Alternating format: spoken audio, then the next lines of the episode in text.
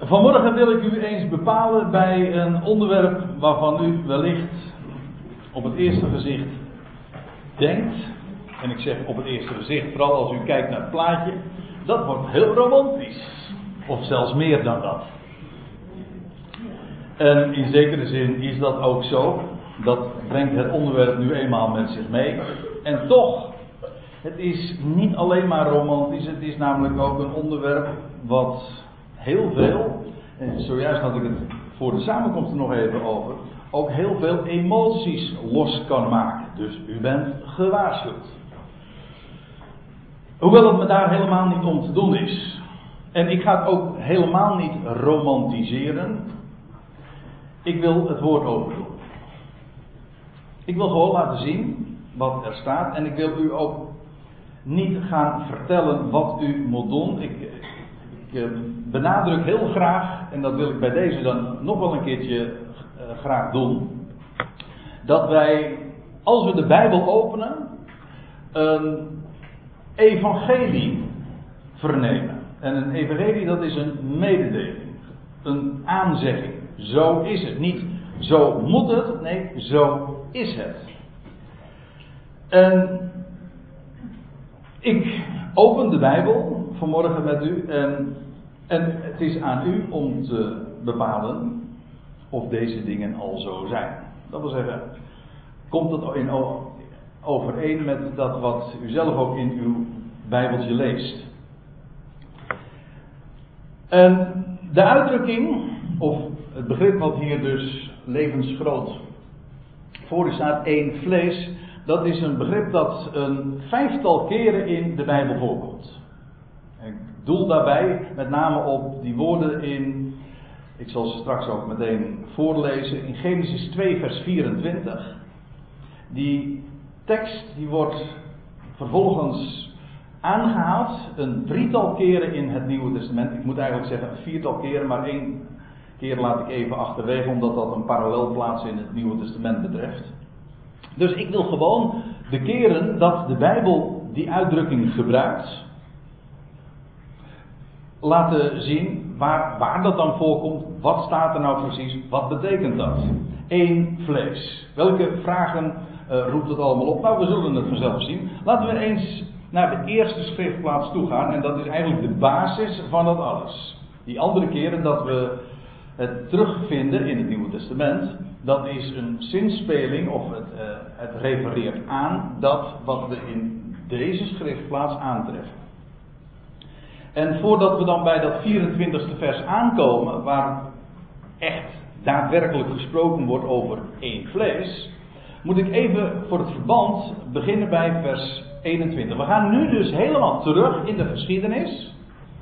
En naar het begin, de oorsprong van de mensheid. Adam en Eva. Bij, naar de eerste mens.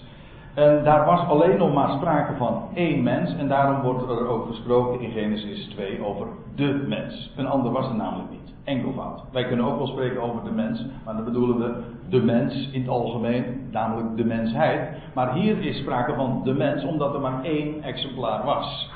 Adam. Het woord Adam, eh, dat is misschien wel handig om dat even te weten. Adam betekent ook gewoon mens. Het is niet alleen maar een naam, het is ook een beschrijving van wie hij is. Zelfs ook waar hij vandaan komt, want Adam, dat uh, komt van het woordje Adama.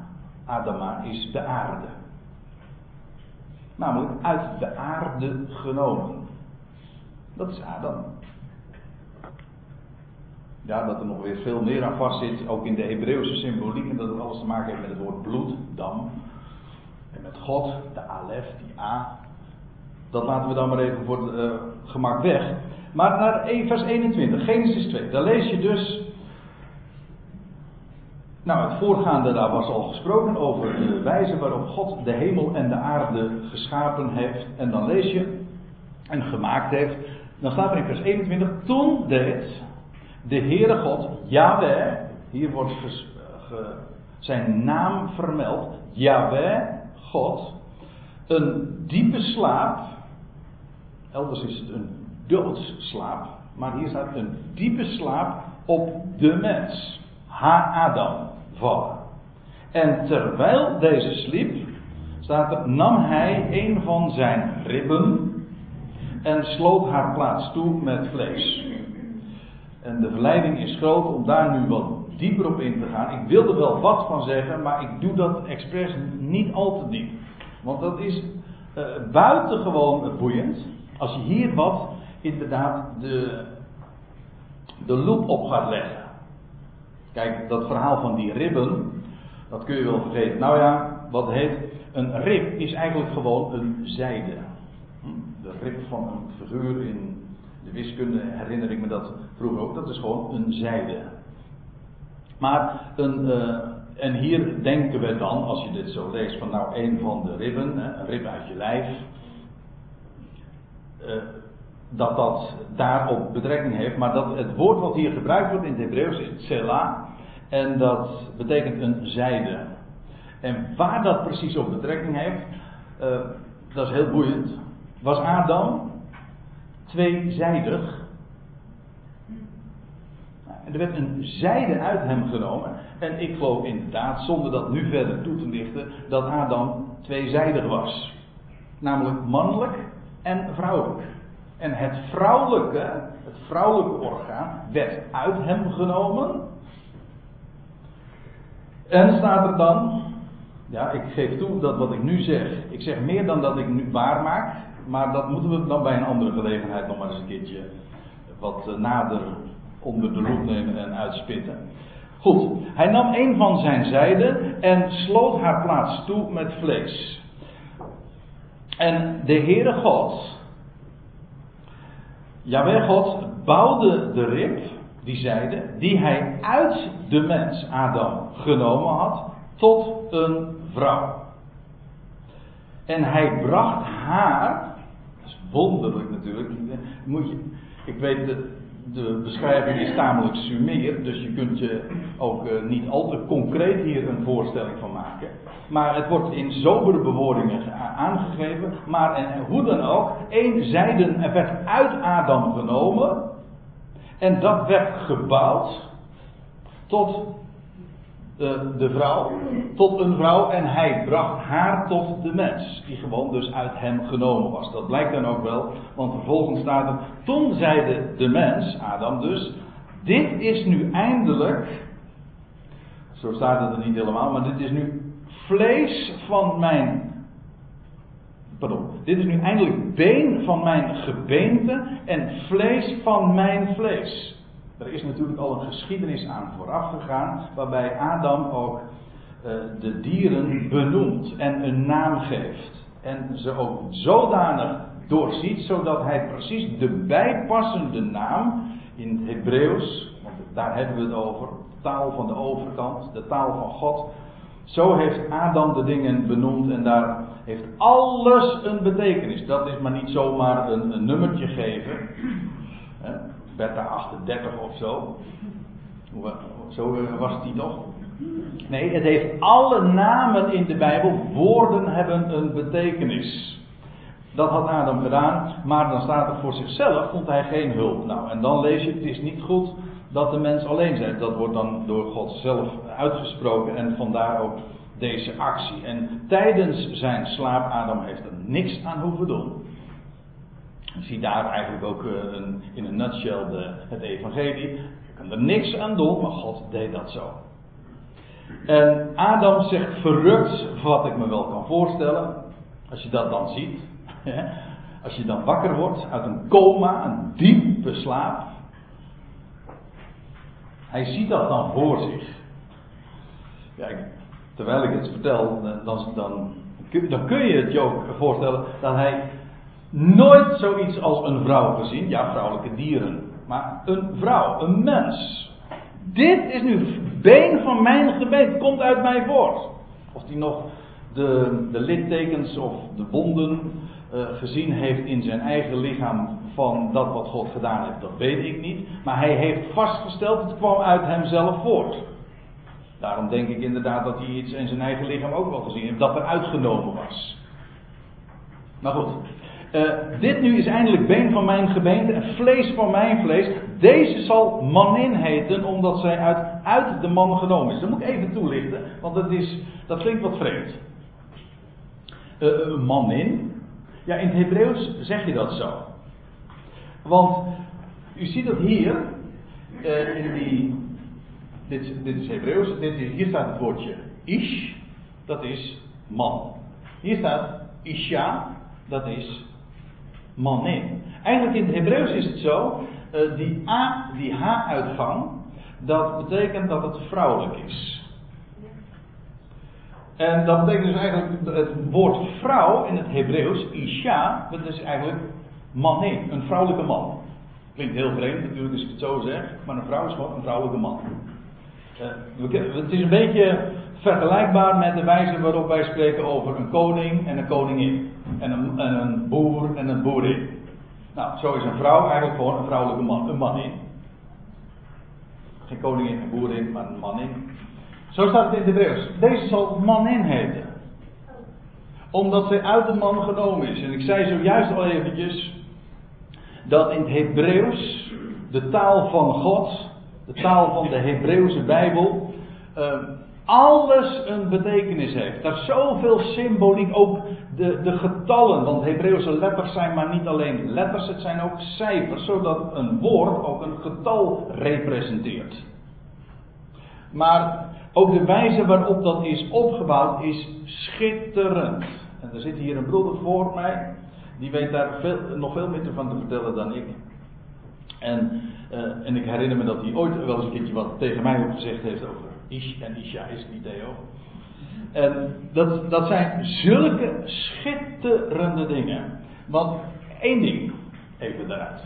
Uh, het verschil is, in beide gevallen is, dit is de alef, de eerste letter van het Hebreeuws alfabet, dit is de H. Uh, het is, de, uh, nou laat ik het zo doen, het is wat makkelijker.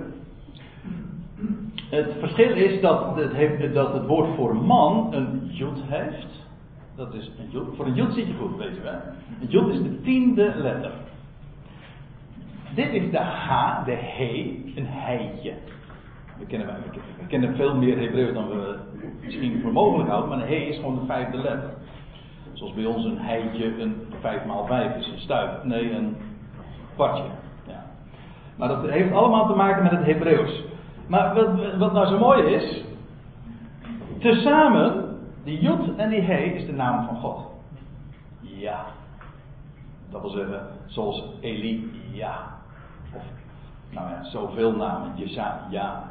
Jeremie, ja. Ja of halleluja. Dat staat hier. Tezamen is het de naam van God. Trouwens, als je het weghaalt, dan hou je ash over. En dat is vuur. Dat is verslindend. Dat zit allemaal in die He Hebreeuwse symboliek. Dat verzint geen mens, dat is de wijze waarop God zich uitdrukt. En nou, ik, ik licht zomaar even een tipje van de sluier op om, om u daarvan een voorbeeld te geven, omdat het zich zo hier ook aandringt. Maar goed, Adam stelt vast: dit is vlees van mijn vlees en gebeente van mijn gebeente en zij heet maninne. En dan wordt er vervolgens een geweldige profetie uitgesproken. Ik ga ervan uit dat dat uh, nog steeds Adam is die dit zegt, want vervolgens, uh, er is, laat ik het zo zeggen, er is geen enkele aanleiding om het anders te menen, want het is, hier wordt Adam sprekend ingevoerd, toen zeide de mens, en dan vervolgens, vers 24, daarom dat nog steeds Adam aan het woord is. Er wordt niets anders vermeld, dus ik ga ervan uit dat dit de conclusie is van Adam zelf. Daarom zal een man zijn vader en moeder verlaten. Let op dat woordje zal. Dit is dus toekomst. Dit is profetie, want Adam spreekt hier iets uit. Een goddelijk woord wat hij normaal gesproken helemaal niet kon weten. Want hij gebruikt hier termen die tot op het moment dat hij dit, uh, dit uitsprak onbekend waren. Hoezo een, uh, een, een, vader en moeder? Dat stond helemaal nog niet. Hij was zelf nog niet eens vader. Hij was, hij was, hij was koud, uh, zelfs echtgenoot. Ziet u? Dus wat hier gesproken wordt, dat is met recht profetie. En dat wordt daarom is veel zeggen. Dat is dus een conclusie. Omdat dit, hij stelt vast dit. Die vrouw, maninne, laten we het maar gewoon even op zijn Hebreeuws zeggen. Maninne, komt uit mij voort en daarom, om die reden, zal een man, zo zal het in de toekomst gaan, zal een man zijn vader en zijn moeder verlaten. Waarom? En zijn vrouw aanhangen, zijn vrouw aanhangen. Zij met wie hij trouwt, en dus zijn vrouw is, die van hem is. Zijn vrouw aanhang, aanhangen, dat is trouwens heel mooi. Eh, want, want u vraagt zich misschien af waarom heb je deze, dit plaatje erbij gedaan. Nou, dat heeft hiermee te maken. Dat woordje aanhangen, dat is eigenlijk het woordje kleven. Komt heel vaak voor in, in de Hebreeuwse Bijbel. Bijvoorbeeld als er gesproken wordt over mijn tong kleeft aan mijn verhemelte. Er wordt gesproken over kluiten aarden die aan elkaar kleven. Zoals klei kleeft aan klei. Het woord plakken dus. Dus aanhangen, dat vind ik een beetje te, te slap vertaald. Want een aanhanger, ja goed, een aanhanger dat kun je ook weer ontkoppelen. Nee, het, plakt. Het, en vandaar dit. Waarbij trouwens ook nog een ander uh, beeld uh, zich opdringt. En zoals we dat allemaal weten met plakken. Uh, dat, dat gaat één keer goed. Tweede keer, op, als je tweede keer plakt. Als je, als je zo'n zo'n post-it papier pakt. En dan, dan plakt dat prima. Maar een tweede keer, het plakvermogen wordt steeds minder. Nou ja, ik uh, geef het zomaar eventjes ter overweging mee. Ik begrijp wat ik bedoel. Het idee daarbij is. Oh, dat is een uh, waarschuwing. Uh, nou, laat ik hem maar even uitstellen. Over vier uur zijn we dan wel klaar ongeveer. moet ik het wel goed doen?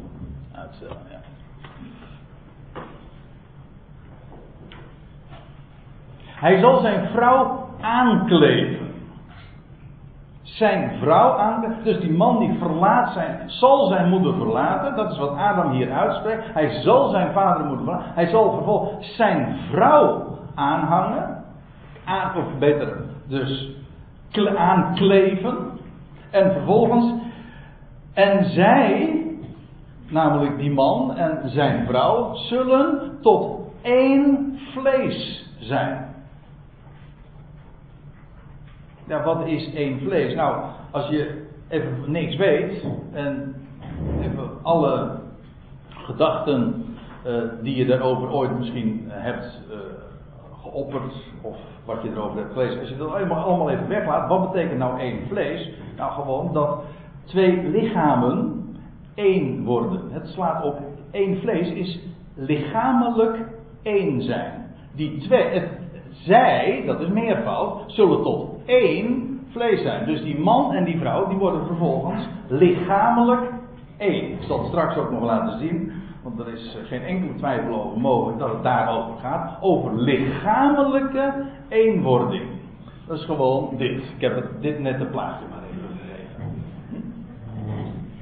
Maar het gaat verder.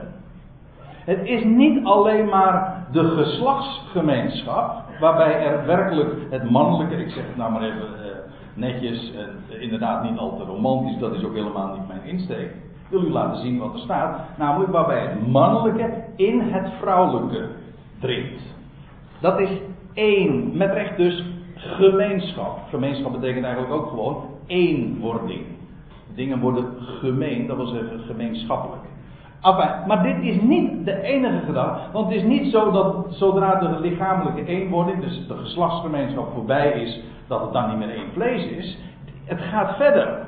Want wat gebeurt er nou bij geslachtsgemeenschap? Nou, niet per definitie, maar ik bedoel, wat is nou de insteek daarvan? Het biologische doel, zal ik maar zeggen. Dat is dit. Namelijk, de man laat wat achter. En vervolgens het mannelijke en het vrouwelijke, dat wordt vervolgens één. Dus ook als de geslachtsgemeenschap voorbij is, dan, vindt er, gaat het mannelijke in wezen opnieuw, maar dan op, een, op microniveau, zich verenigen, een samensmelting vindt er plaats tussen het mannelijke en het vrouwelijke. Dus dat één vlees heeft niet alleen maar hierop betrekking, maar vervolgens ook wat daardoor tot stand komt. Ik vind het zo geweldig. Kijk, dit is het begin van elk leven. Leven ontstaat door eenwording. Feitelijk door liefde. Want liefde is niets anders in de Bijbel. En niet alleen in de Bijbel, maar in het algemeen. Dan de drang naar eenheid. Of de drang naar eenwording. Het, is, dat klinkt haast filosofisch als ik het zo zeg. Maar het is eigenlijk een, een gigantische waarheid die voor de hele schepping opgaat. Namelijk, wij. Romeinen 11, vers 36 komt mij zo voor de geest. Wij zijn allen, of het geheel, het heelal, tapanta, het al, komt uit één voort. Er is één God. Alles is uit hem. Maar alles is ook door hem. Het bestaat door hem. Maar wat, wat is nou het geweldige? Wel, het is uit hem en dat bepaalt tevens de bestemming. Het is dus ook weer tot hem omdat het uit hem is, de ene, is het ook weer tot hem. Dus de oorsprong bepaalt de bestemming. Omdat het uit één is, is het ook weer, keert het ook weer terug naar, naar die eenheid. Dat zie je ook in de Hebreeuwse symboliek, want we kennen allemaal het woord Abba, vader. Dat is ook dat een schitterend woord dat dat uit, uit, uitbeeldt. Dat eerst het woord Abba. Ik heb daar nu geen plaatje van, maar goed. Dat zijn drie letters. Dat is de Alef, de Beet en de Alef. Dat wil zeggen de eerste letter, de A, zeg maar, en de B en de A. Nou, de A staat voor God. De eerste, de ene. God zelf. Die vervolgens zijn schepping maakt. Waarin hij woont waarin hij indringt en woont, dus de beet. Woord, die tweede letter is namelijk ook nog een woord, we kennen hem allemaal, namelijk een huis. De schepping is een huis waarin hij woont. Denk maar aan Bethlehem. Bethsan. Bed is een huis. Maar daar blijft het niet bij. Vervolgens is het weer één. Die Alef. Het woord Abba, vader, wil zeggen: alles is uiteen en hij woont in dat wat hij voortbrengt, namelijk als een huis. En dat alles wordt weer tot één. Zie daar in wezen de hele heilsgeschiedenis. Van het begin tot het eind. Het was één en het wordt weer één. In zijn schepping waarin hij woont. Maar goed, even terug te komen uh, tot, tot dit verhaal. Uh, die, een, die licha lichamelijke eenwording gaat verder vervolgens in de wijze waarop leven ontstaat. Leven ontstaat door liefde. Dat is ook voor ons, uh, in wezen draait alles daarop. En daar hoef ik helemaal niet eens de Bijbel voor aan te halen. Uh, neem maar, zet de radio aan, een popzender. En het is allemaal love, love, love, love. All you need is love. Iedereen weet het. Het gaat maar om één ding: liefde. In het hele leven gaat het om liefde. Daar hoef je helemaal geen gelovige voor te zijn. Dat is ook het enige wat leven zin geeft. In de, in de taal is het ook eigenlijk nog uitgedrukt, het is feitelijk hetzelfde woord, alleen het klinkt anders. Leven en lieven. Leven, lieven. Ik denk daar nog aan een ander woord, loven. Lieven, leven, loven. Maar loven is ook gewoon in het, Engels voor love. Maar goed, ik bedoel dit.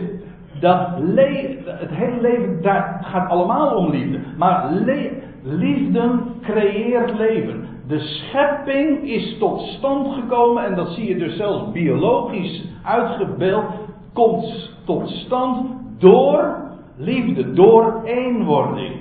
Dat is, dat is het hoogtepunt. Dat bedoel ik dubbelzinnig. Dat is alles. Dat is het hoogste. Dat is het, het ultieme.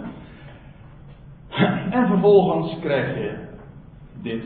En nou ja, ik zou het plaatje natuurlijk nog. Uh, uh, of de film zou ik nog wat kunnen uitbreiden. Maar het idee is, daar komt met recht ook één vlees uit voort. Het idee is dus niet alleen maar man en vrouw worden één in de geslachtsgemeenschap. Dat is wel zo, maar daar stopt het niet. Het gaat daar nog in verder, namelijk in de creatie van leven. Waar met recht ook één vlees uit voortkomt. Namelijk het kind dat het voortbrengt. Dus als hier staat we, weten, we hebben nog een andere schriftplaatsen niet gezien. We, we, lezen gewoon deze tekst en we denken daarover na. Wat, wat staat hier nou? Nou, man en vrouw. Hij, de man, hij kleeft zijn vrouw aan. En zij, zij zullen tot één vlees worden. En dat zien we inderdaad gebeuren. Zij worden één vlees. Hier in dit, of ja, in, in het beginstadium al in dit natuurlijk. Maar in, in dit wonder, Gods wonder, worden man en vrouw één. Het is een samensmelting van die man en die vrouw. Maar dat komt omdat ze uit één zijn. Die, dat is wat Adam hier uitspreekt. Zij, is, zij komt uit mijn voort en daarom is dat ook de bestemming. Namelijk een man zoekt ook het vrouwelijke weer op. En zo wordt dat één vlees. En dit is zo'n basale waarheid. Het wordt niet voor niks in de, eh, in, in de Bijbel vervolgens herhaald en voortdurend op allerlei manieren wordt hierop gezinspeeld. Zo was het van de begin. Dit is geen, let op, dit is geen gebod. Dit is een vaststelling. Het is nou, een vaststelling en een profetie. Want er wordt hier gezegd, het is een conclusie en vervolgens wordt er gezegd, het zal zo zijn. Het is een profetie. Zo zijn de dingen. Ook hier eh, wil ik bij deze ook nog wel even onderstrepen. Het is dus niet moralistisch. Het is een beschrijving wat het is. Het huwelijk. Ja, wij zeggen dan, het gaat hier over het huwelijk. Ja, dat is ook zo, want er wordt gesproken een man en zijn vrouw. Die hij dus verkregen heeft. Op welke manier dan ook, maar het is zijn vrouw. Wel, die worden tot één vlees. We gaan naar een andere schriftplaats. Matthäus 19. Daar zijn we inmiddels, nou pakweg 4000 jaar later. En dan vinden we een gesprek in Matthäus 19. En ik speelde er zojuist al even op. Dit in Matthäus 19 vinden we ook in het boek Marcus vermeld. En dat het, maar aangezien het daar min of meer over hetzelfde gaat, laat ik de bespreking daarvan nu even achterwege. Het is een parallel gedeelte. Maar je leest dan, nou laten we het gewoon maar eventjes opzoeken en, uh. Er kwamen fariseeën tot hem, dat wil zeggen tot Jezus, om niet al te zuivere redenen, want staat erbij om hem te verzoeken, om hem te, uit te proberen. En zij zeiden: Is het geoorloofd? We, praten hier dus nu echt over ja, duizend jaar later. Het is een godsdienstige zetting, een godsdienstige groepering. Uh, die zo een eigen ideeën hadden ontwikkeld. Het was een, sect, een secte of een, partij binnen het Jodendom. En dan vragen zij om hem uit te testen: is het geoorloofd zijn vrouw weg te zenden op allerlei redenen? Het gekke is, hoe wettisch die lui ook waren, zij waren hierin buitengewoon makkelijk. Althans, de meeste onder die fariseeën, er waren bekende namen, die, uh, die zelfs promoten dat als een vrouw, moet u zich voorstellen, als een vrouw een keer het eten had laten aanbranden, dan was dat een recht, gerechtvaardigd motief om de vrouw weg te zenden. Amen, hoor ik hier. Wie zei dat? Wil die even gaan staan? Zei jij dat, eh, Ronald? Nou, je hebt wat uit te leggen eh, straks, hè? Ik laat het aan. Oh, jij gaat het expres nou laten aan. Oh.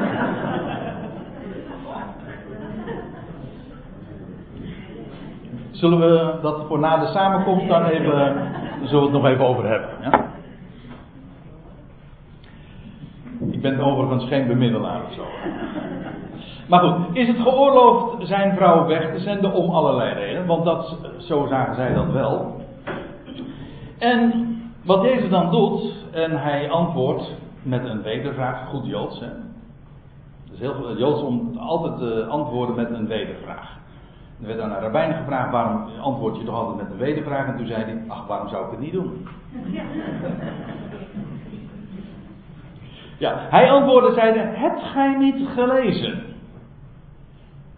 Dat de schepper hen, van hen, man en vrouw, want daar ging de vraag over, hen van den beginnen als man en vrouw heeft gemaakt. Zo staat het er niet in, de, eh, in het Grieks, maar trouwens ook in het Hebreeuws, want dit refereert aan Genesis 1, vers 6 of 27.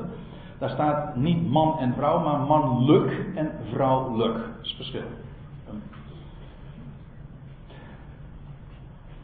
Dat God, eh, dat de schepper hen van den hen, man, eh, mannelijk en vrouwelijk, heeft gemaakt. Dat is een kwestie van lezen. En hij vraagt, hebben jullie dat dan niet gelezen? Nou, en dan gaat hij vervolgens citeren. En hij zeide, daarom, en nou, dus het begin van de quote. Daarom zal een man zijn vader en moeder verlaten en zijn vrouw aanhangen, aankleven. En die twee zullen tot één vlees zijn. Laat een duidelijkheid niets te wensen over. We weten exact over wie het gaat, wat dit is, bij welke gelegenheid, zelfs wanneer. Namelijk als een man zijn vader en moeder verlaten heeft, als hij zijn vrouw aan. Die twee zullen tot één vlees zijn. Nou, hebben jullie dat niet gelezen?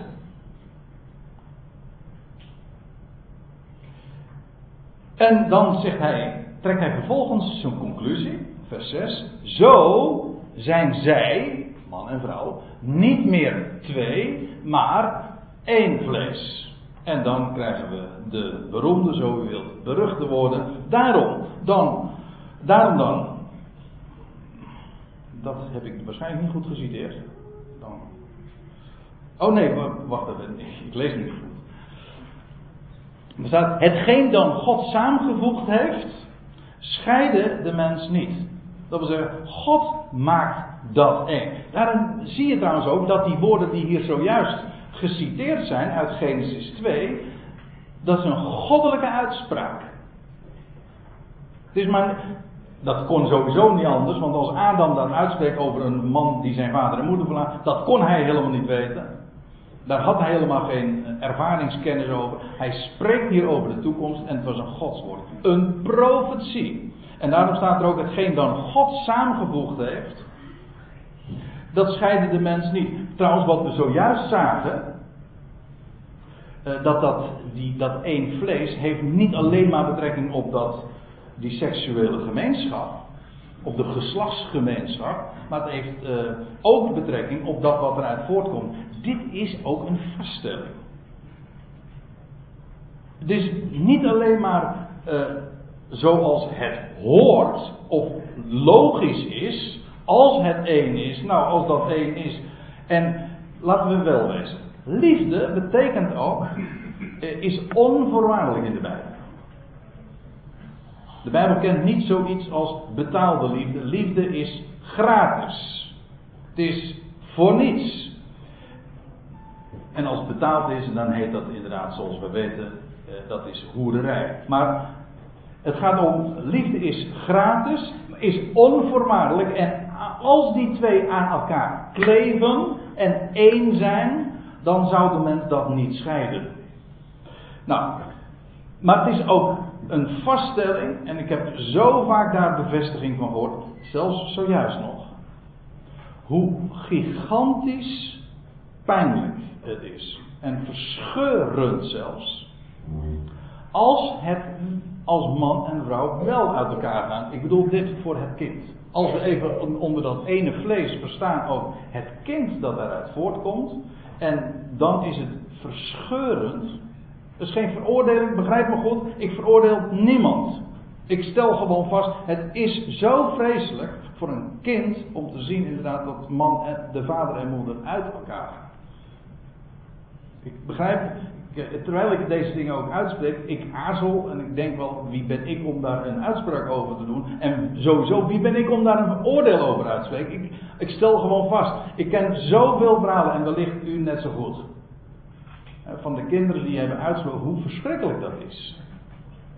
En hoe verscheurend het is voor een kind om dat inderdaad uh, te zien scheiden, hè, uiteen te zien reden. In feite wordt het kind zelf namelijk verscheurd. In tweeën. De vader en de moeder die uit elkaar zijn. Goed. Hetgeen dan God samengevoegd heeft, scheiden de mens niet. En daarom, en dan krijg je nog een reactie. In vers 7 van die fariseeën. Zij zeiden tot hem, waarom heeft Mozes dan bevolen een scheidbrief te geven en haar daarmee weg te zenden?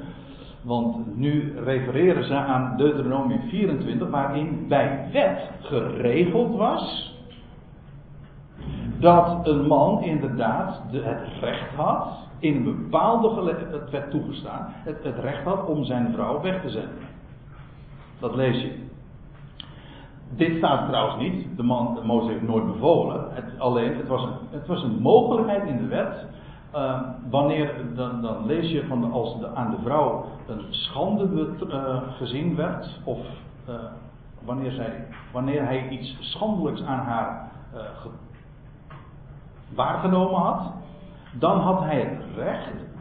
Als hij haar niet kon vergeven om haar weg te zenden. Nou, de fariseeën hadden dat enorm uitgebreid door allerlei clausules. Zeg van nou, als een man dat haar vrouw, als de, de man zijn vrouw geen liefde meer toedraagt, dan kan hij haar gewoon wegsturen.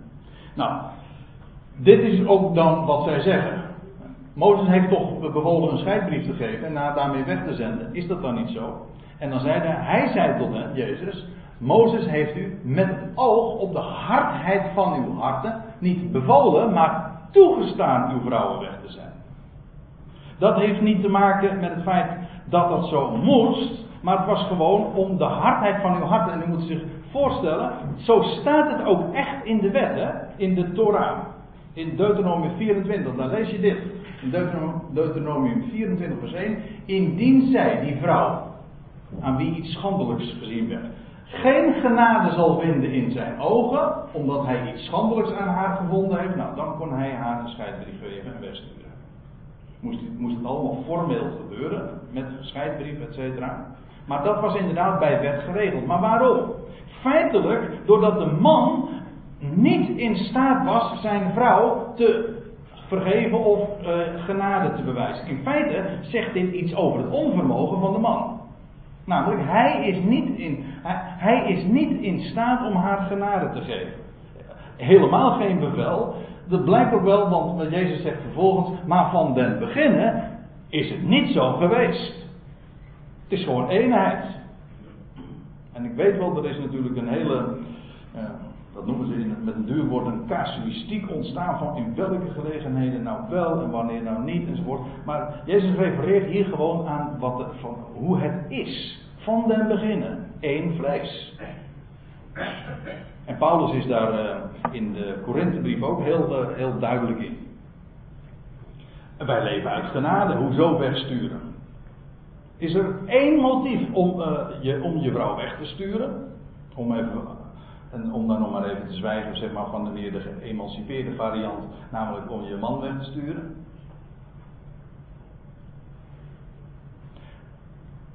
Nee. Dat wil zeggen, als je, als je genade kan bewijzen, dan is daar helemaal geen, dan kan daar helemaal geen eens een voorwaarde zijn. Als je uit die genade leeft, dan is daar altijd weer een weg terug. Er is, kijk, als de ander natuurlijk de deur dicht doet, it takes two to tango, zeggen we dan. Dat is ook zo.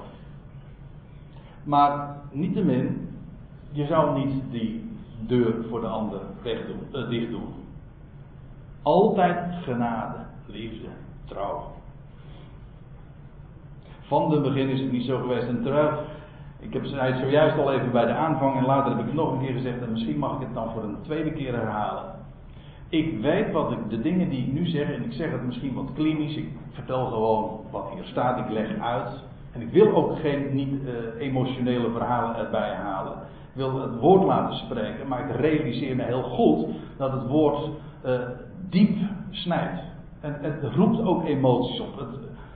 En dat zoek ik niet, maar dat is een gegeven. Dat is waar.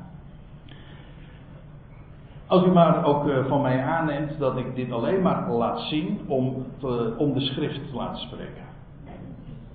Goed, maar van de beginnen is het niet zo geweest. We gaan naar nog een schriftplaats, de derde, waar ook de, de apostel Paulus zijn we inmiddels eh, terechtgekomen.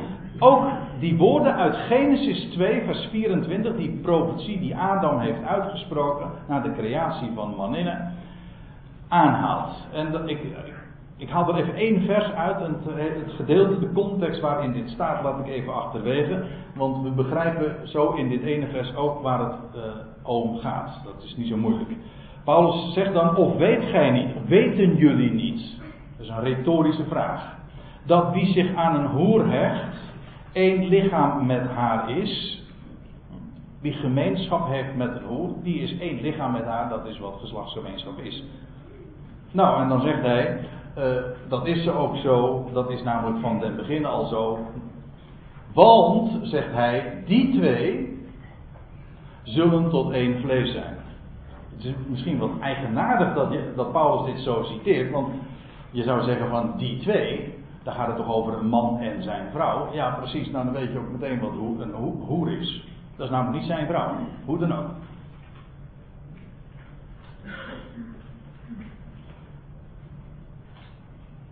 Die man die heeft, eh, of een man die gemeenschap heeft met zomaar een willekeurige vrouw. In feite is dat wat een hoer ook is, want die heeft uh, uh, wisselende contacten. Dat is allemaal met recht losbandig. Er is geen band. In de Bijbel is het juist in een context van trouw, van onvoorwaardelijke liefde en daarom ook levenslang. Dat is ook wat een trouwerij is. Ook dat is geen typisch bijbels gegeven, het is gewoon een universeel gegeven. Een trouwerij is, je verbindt je met de ander voor het leven. Wat is daarop uw antwoord? Ja toch?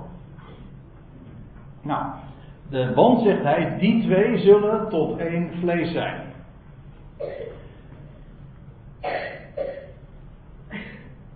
En daarmee uh, zegt uh, legt, Paulus ook uh, uit aan de hand van Genesis 2 al waarom dat voor iemand die weet wat het huwelijk is, ik, dat is absoluut geen gemeen goed meer waar, waar we het nu over hebben. Ik bedoel, we, hebben nu zo, we leven nu in een wereld, trouwens Paulus schrijft dit aan de Corinthiërs en Korinthe was een stad die uh, die spreekwoordelijk zelfs bekend stond om haar losbandigheid. Leven als een Corinthiër, dat betekende een zeer losbandige stijl, levensstijl. Nou, wij leven ook in, inmiddels in een tamelijk Corinthische wereld. Waar we ook geen idee meer hebben van wat het huwelijk voor een ding is. Hoezo levenslang? En hoezo uh, dat. Uh, nou ja, we kennen het, idee van een homohuwelijk. Het hele idee juist van het huwelijk, zoals we zagen, is de vrouw komt uit de man voort. En daarom zou die weer één vlees worden. Het is in wezen zoals het was, de vrouw uit de man, zo wordt het ook weer. Namelijk, die man keert weer terug tot de vrouw. Worden weer één. Als weet wat het is, dan begrijp je ook waarom dat een norm is in je denken. Zo, zo zijn de dingen. Zo is het van de beginnen geweest. En daaraan refereert Paulus ook aan, in de Korinthebrief. En dan ga ik nog naar de laatste schriftplaats toe, Efeze 5. En dan zijn we feitelijk op dat ene voorbeeld na uit Marcus compleet.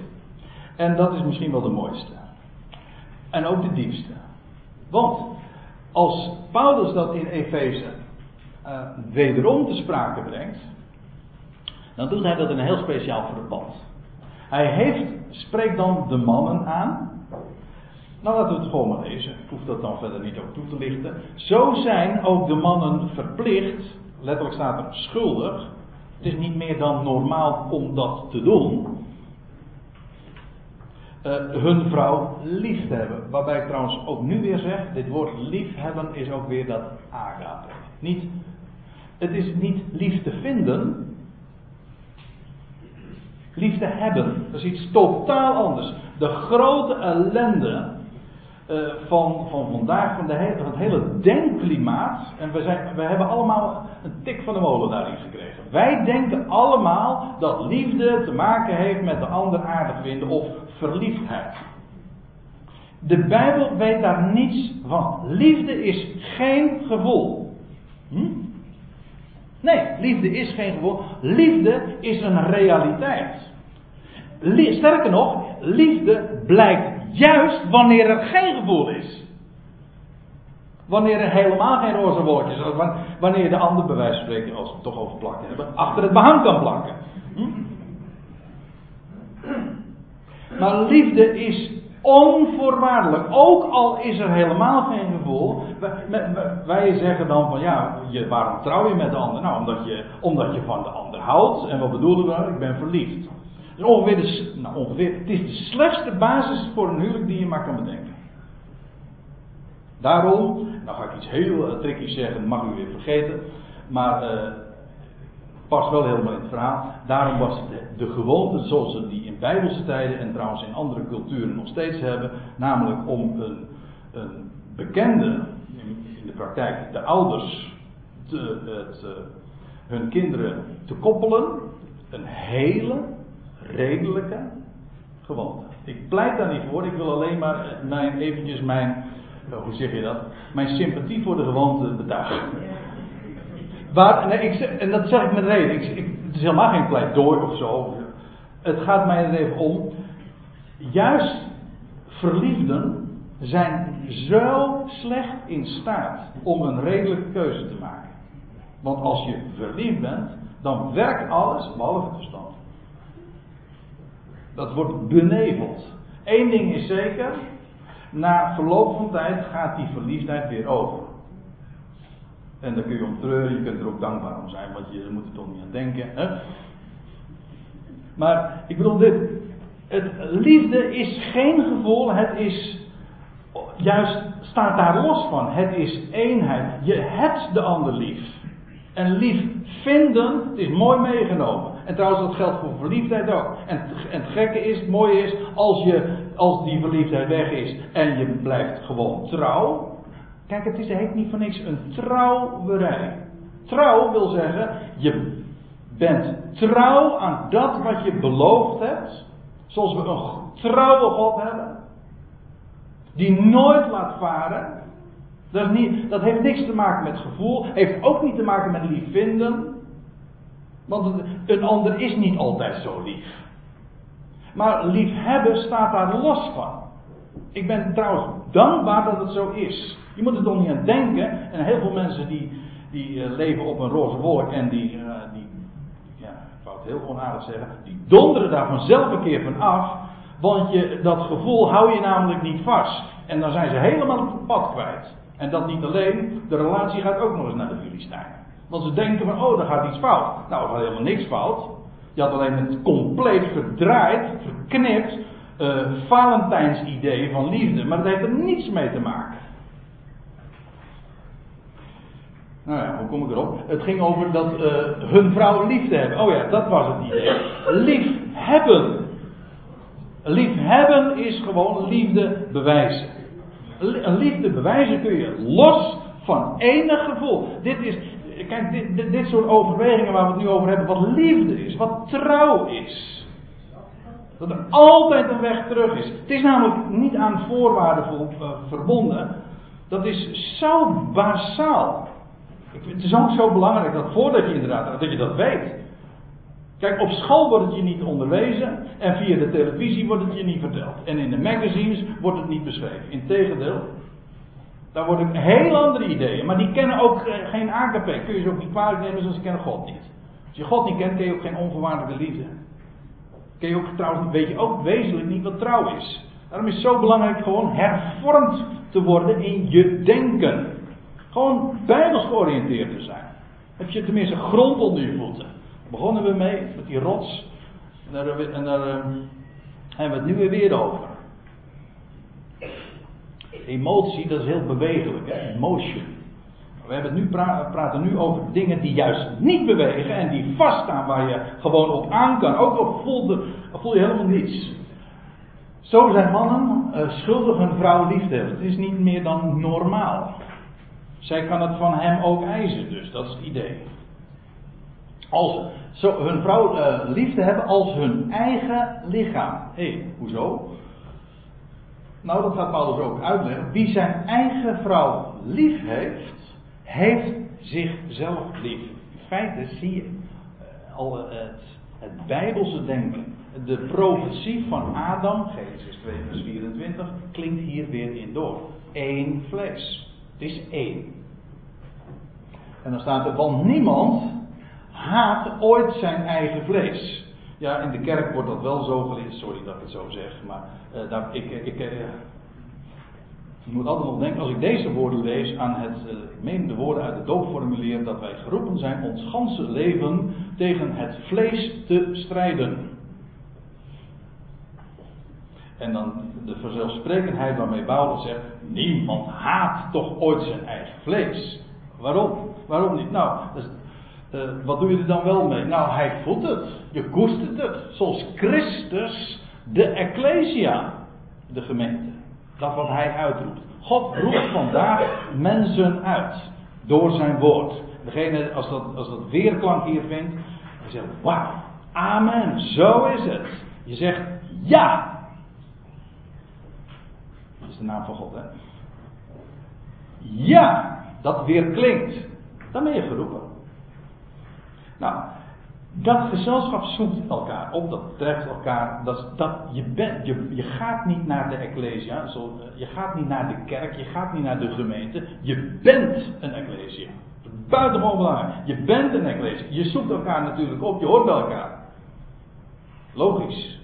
Dus bouw je elkaar op, je doet het woord open, et cetera.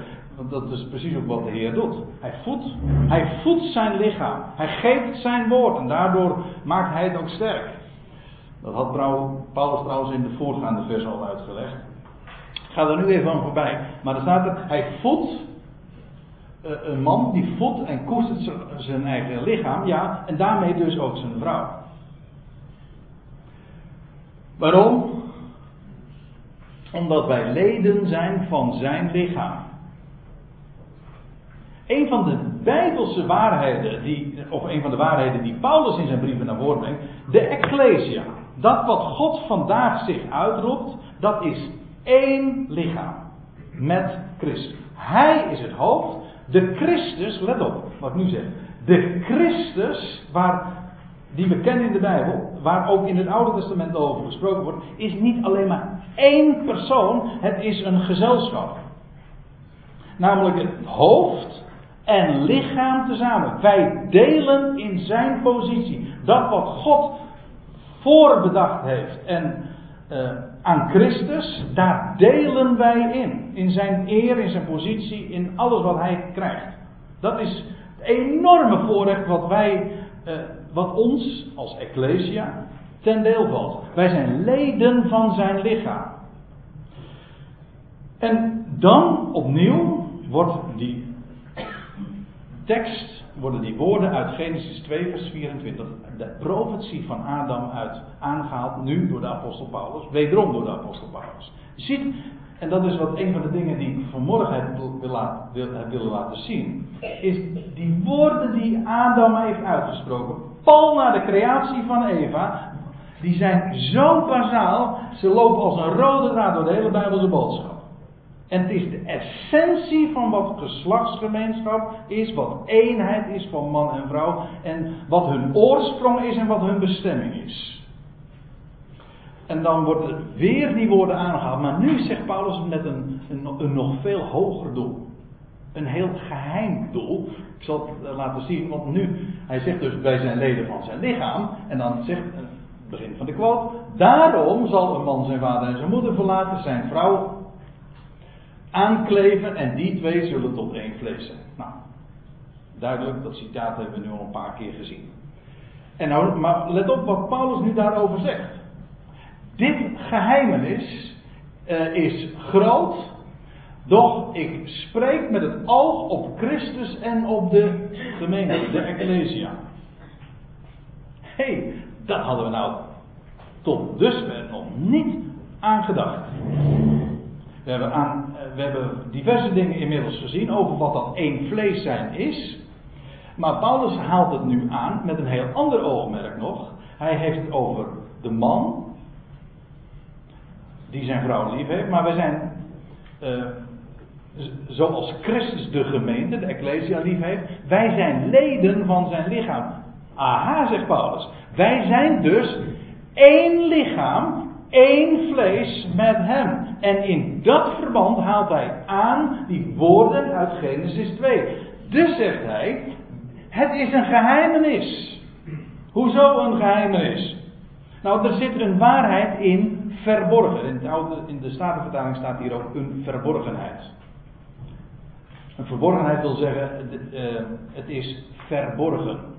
Aan de oppervlakte uh, ligt het niet, maar het ligt er in verborgen. Oppervlakkig gesproken zou je zeggen, die woorden gaan over een man en een vrouw die één lichaam worden. Dat is waar. Maar als er gesproken wordt over één lichaam, één vlees. Paulus zegt, het gaat over Christus en de Ecclesia. Dit geheimenis is groot, maar ik spreek met het oog op Christus en op de Ecclesia. Die woorden in Genesis 2 vers 24, dat is wat Paulus zegt. Daarin zit de Christus en de Ecclesia verborgen. Zou je niet zeggen, maar dat is altijd zo met iets wat niet aan de oppervlakte ligt. Het is verborgen, dat, daar gaat het over moet ik nog één ding over zeggen. Er wordt niet gezegd dat de vrouw, uh, of dat de Ecclesia de bruid is. Ik weet, eh, dat is een, dat is een, een idee wat uh, nogal ja, bekend is in de hele christelijke wereld, in de katholiek, in de protestantse, in de evangelische wereld. Wordt daar altijd zo over gesproken. De kerk of de gemeente, dat is de bruid van Christus. Forget it. Nergens in de brieven komt zelfs het woord bruid voor. En de enige schriftplaats die er mogelijk op zou lijken, daar wordt het juist in ontkend. Zijn wij de bruid? Nee, wij zijn, wij, wij zullen niet één lichaam zijn. Wij zijn één lichaam met Christus. De, het is niet zo van dat de gemeenschap nog moet plaatsvinden. U weet hoe dat in de Bijbelse dagen zeker ook ging. Dat is ook wel inmiddels allemaal wat anders geworden.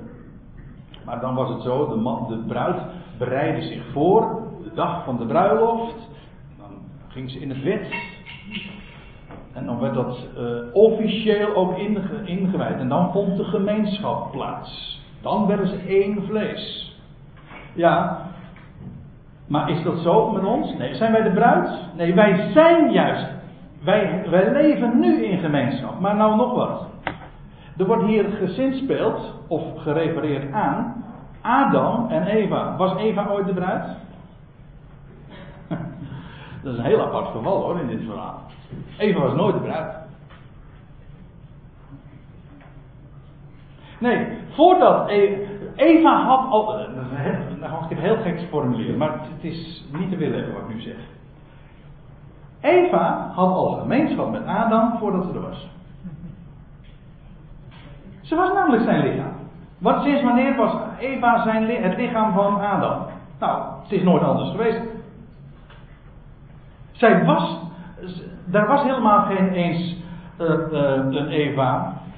Nee, nee, zo formuleer ik het niet helemaal goed. Ik bedoel dit. Dat geldt voor ons ook. Wij als de Ecclesia. Wij bestaan slechts bij de gratie ook van Christus. En het is zelfs, gaat typologisch nog verder. Wij zijn ook geboren en ontstaan, of gecreëerd zo u wil, uit de doodslaap van de laatste Adam.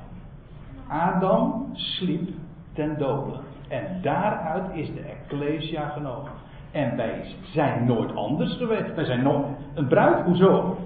Wij zijn één lichaam met hem. Het is nooit anders geweest. Nooit een bruid heeft daar, eh, of een bruiloft heeft er ook plaatsgevonden. Wij zijn één lichaam.